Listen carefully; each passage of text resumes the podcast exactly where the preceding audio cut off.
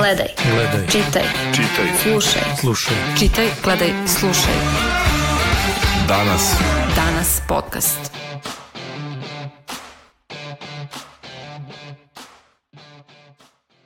Dobar dan, slušate novu epizodu podcasta Danasa koji posvećujemo Svetskom danu hrane e, koji ima za cilj da e, skrene pažnju na razne problematične aspekte našeg odnosa prema hrani, od e, njene proizvodnje, kvaliteta, distribucije pa do samog upravljanja otpadom koji nastaje od hrane, odnosno organskim otpadom.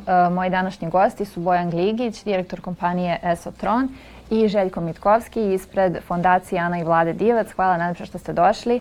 Uh, moje ime je Selena Kosorić. Evo za početak, mi smo u najavi ove epizode podcasta uh, napisali kako da ne bacamo 2 miliona tona hrane dnevno. Sad, nama to zvuči stvarno nenormalno mnogo, koji ne znamo mnogo o tome, ali koliko je to zapravo u odnosu na neki evropski prosek?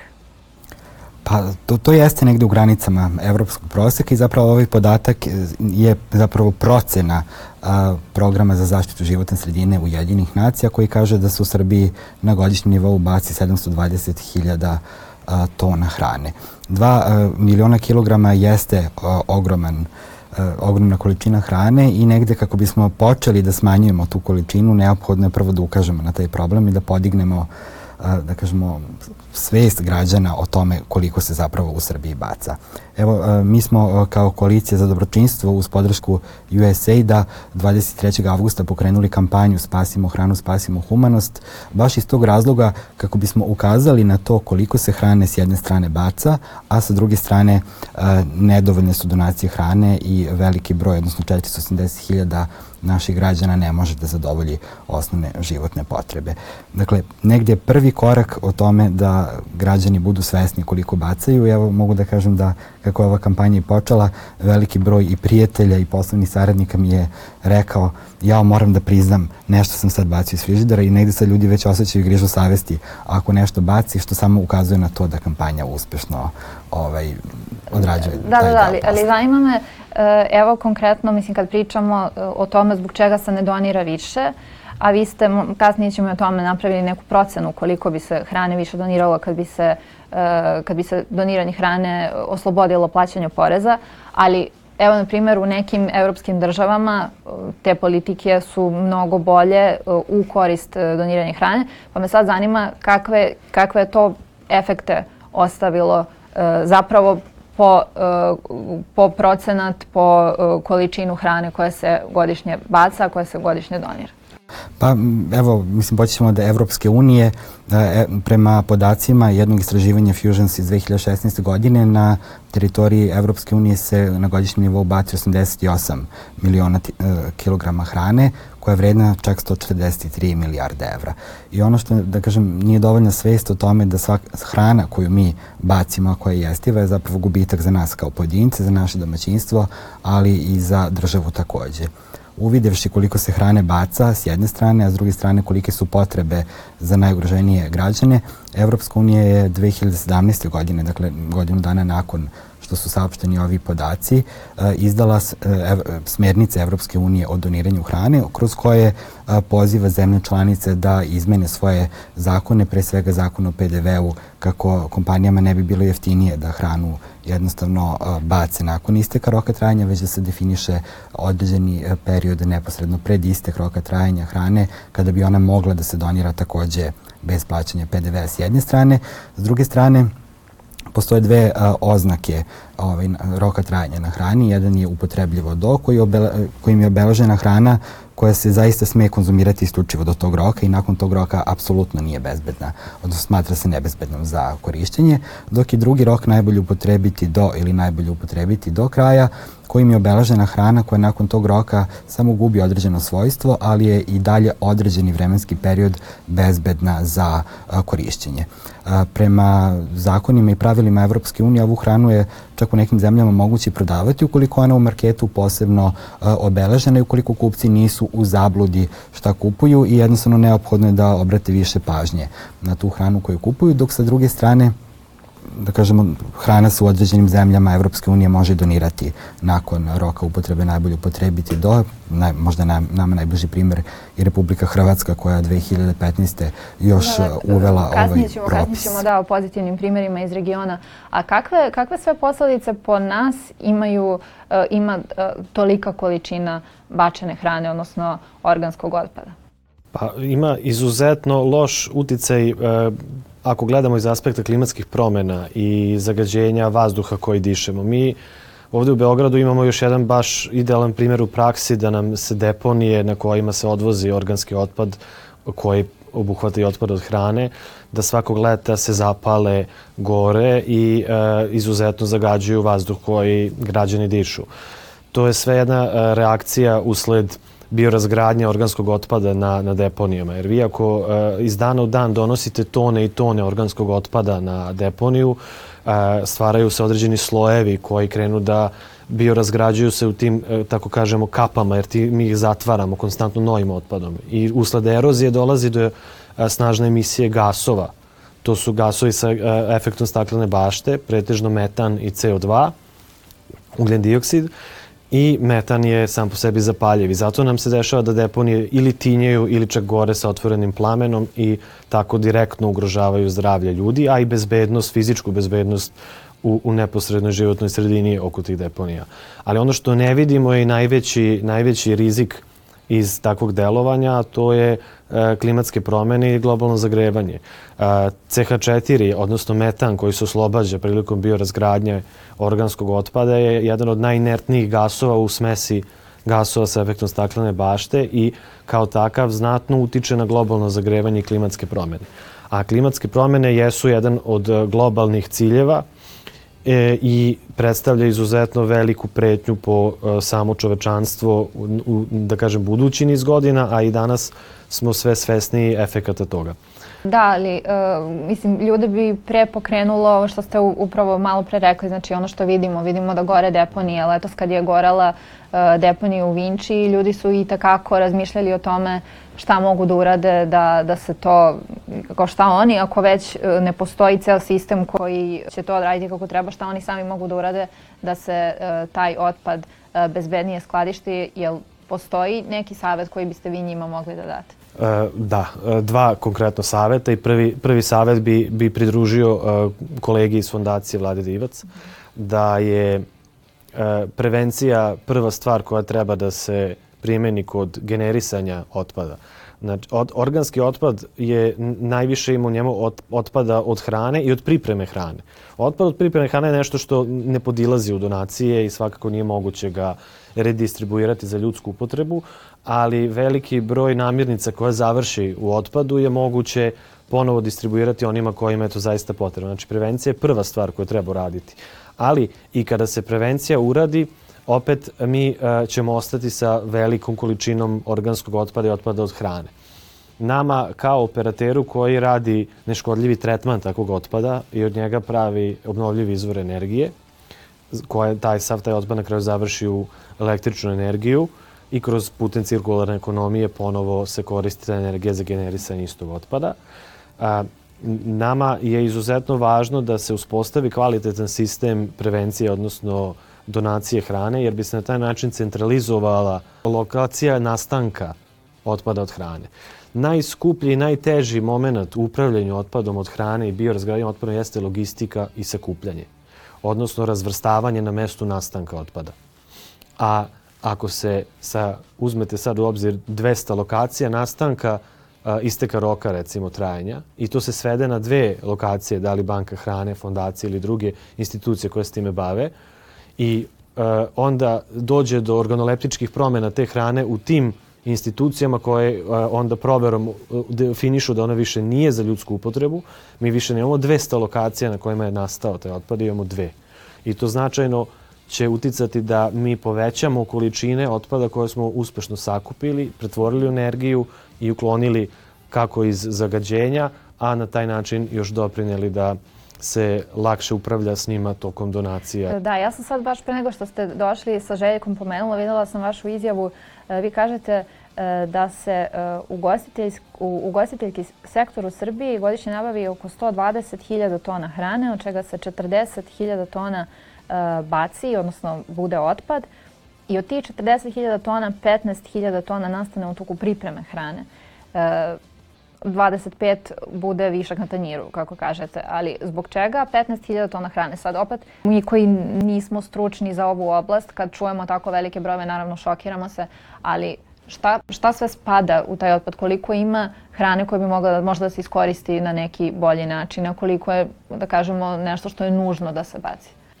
Pa sad, e, konkretno iz tih, iz tih informacija i brojeva koje, koje ste naveli, teško je izvući zato što ugostiteljski sektor a, nema uspostavljenu kontrolu. Znači, ugostiteljski sektor može da donira samo ono što nije ušlo već u njihov proces reprodukcije obroka. Nakon što je ostao obrok iskonzumiran na, na tanjiru, to je nešto što je izuzetno više teško i malte ne skoro nemoguće usmeriti u donaciji jer su u 99% takvi ostaci nebezbedni za ljudsko zdravlje. A, a ovi drugi ostaci od pripreme hrane su opet u velikim delom neupotrebljivi za ljudsku ishranu. Upotrebljiv je samo onaj deo koji su ugostitelji recimo u svojoj nabavci procenili da su nabavili više nečega što im treba, na vreme uradili tu procenu i odlučili da, ne znam, 30% neke količine hrane ne ubace u pripremu obroka, nego je doniraju jer procenjuju da će joj isteći rok za dalju upotrebu. A e, mi radimo na identifikaciji tih stvari tako što kompanija Esutron od 2011. godine se bavi ovim temama i bili smo prvi koji su u Srbiji uspešno formirali sakupljanje otpadnih jestivih ulja iz restorana i kuhinja. Naši predstavnici nedeljno obiđu 4600 restorana kako bi preuzeli otpadne jestivo ulje.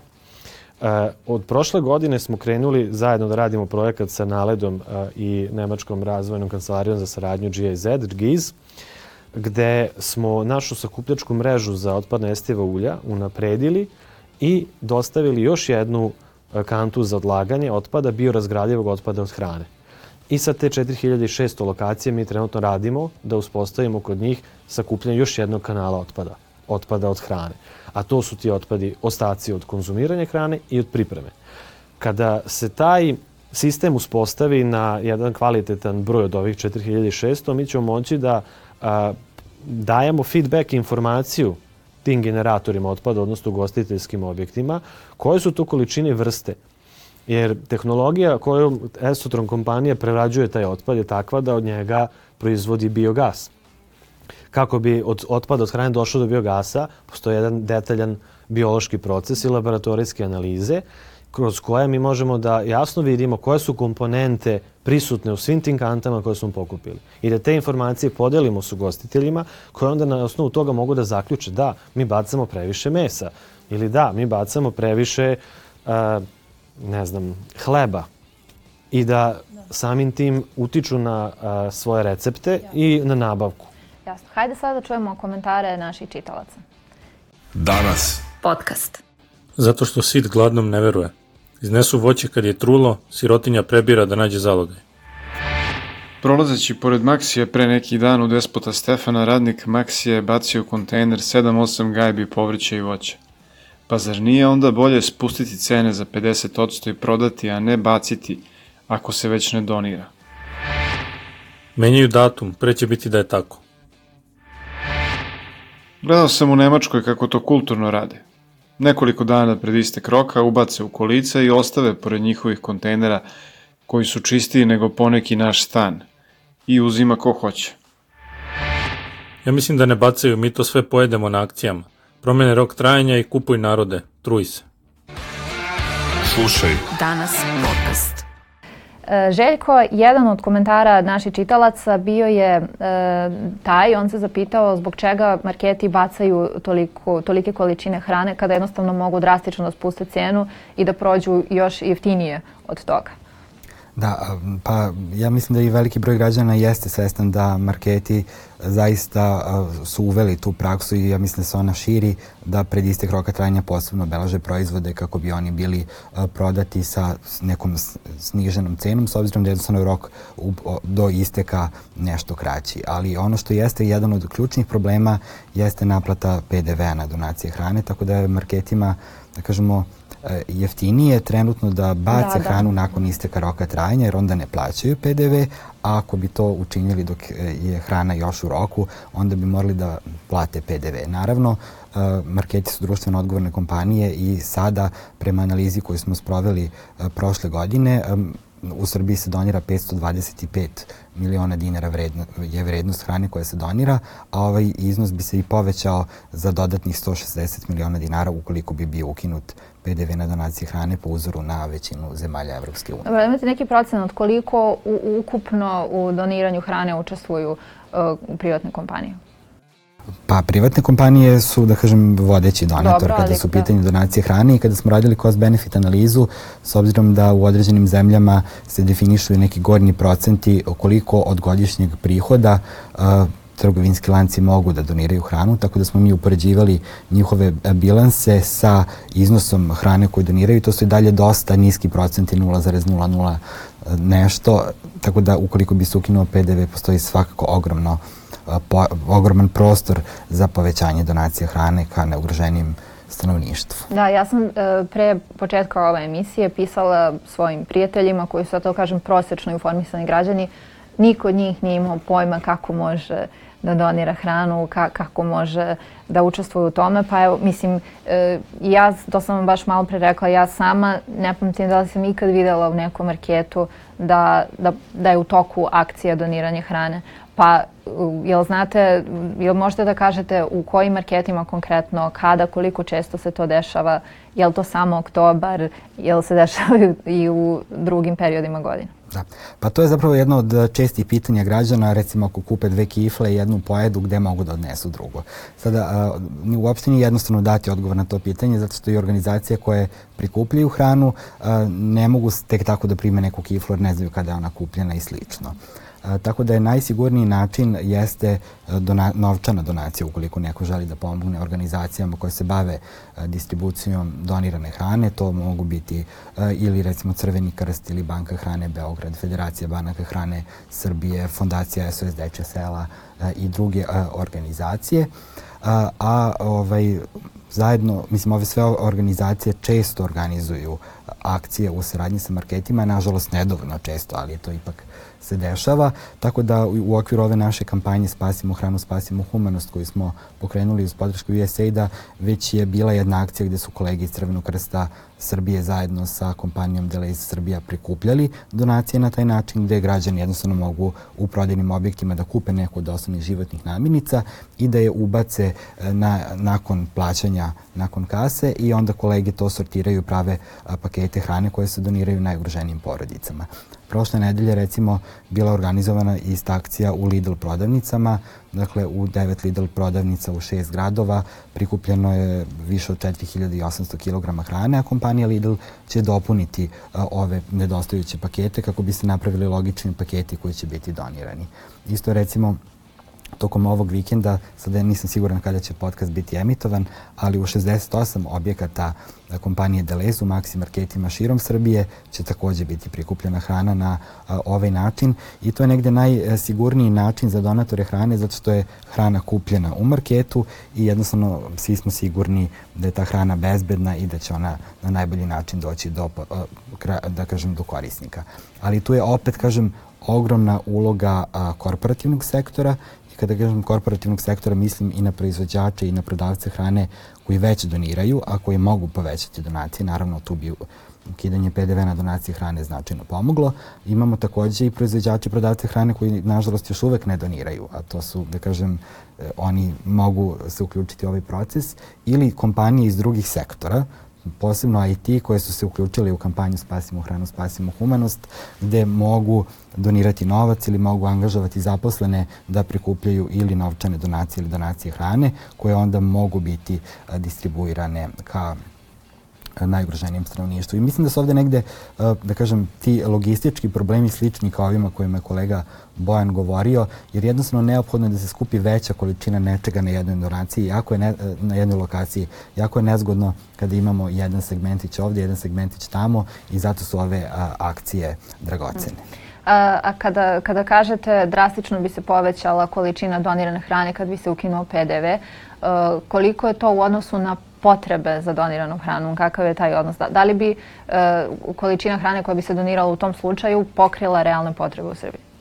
Pa ona bi doprinela pokrivanju, sad s obzirom da u Srbiji e, prema poslednjim podacima za 2019. godinu živi 480.000 ljudi koji ne mogu da zadovolje osnovne životne potrebe, odnosno to znači da ti ljudi raspolažu me, na mesečnom nivou sa manje od 12.450 dinara, a, to bi delimično pokrilo, jer bi se donacije povećale za blizu 160 miliona dinara. Za 30%, dakle. Tako je, za 30% je neki prosječan iznos, iako neke kompanije bi recimo povećale za 20, neke za 100%, ali to je negde očekivani rast od 30%, ali opet verujem da iz godine u godinu, kako bi se, da kažem, kompanije uhodavale u izmenjeni propis s jedne strane, s druge strane kako bi kapaciteti organizacija koji su takođe važni, jer je neophodno da organizacije koje se bave distribucijom hrane ka krajnjim korisnicima, odnosno ti posrednici u lancu doniranja hrane, da se i njihovi kapaciteti podignu kako bi oni mogli ovaj, da pomognu što veći broj građana.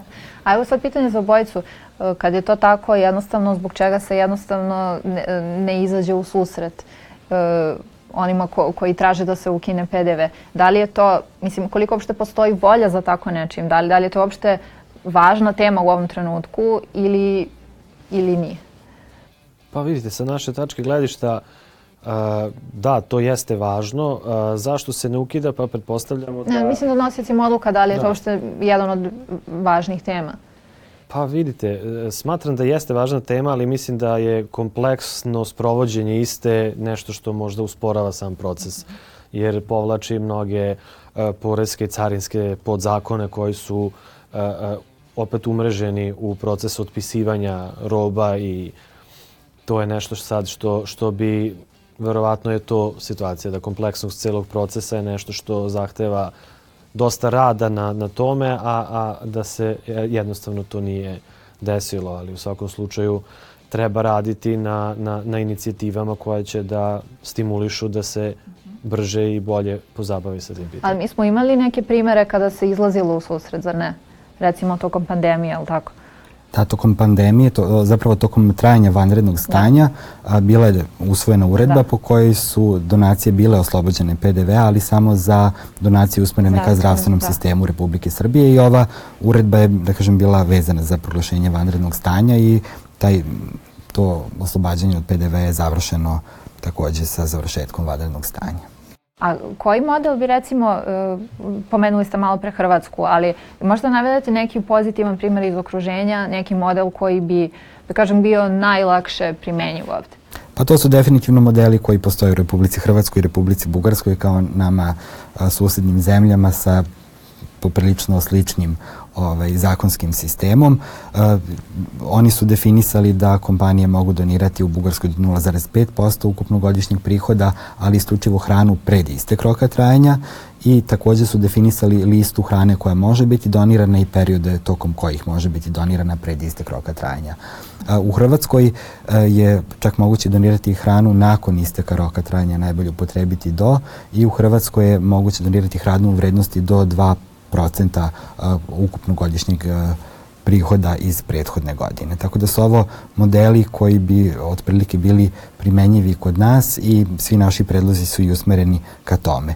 Kada pitate opet da li je ova tema prioritet, mi svakako smatramo da apsolutno jeste, pre svega zbog naših najugroženijih stanovnika, s druge strane s aspekta zaštite životne sredine.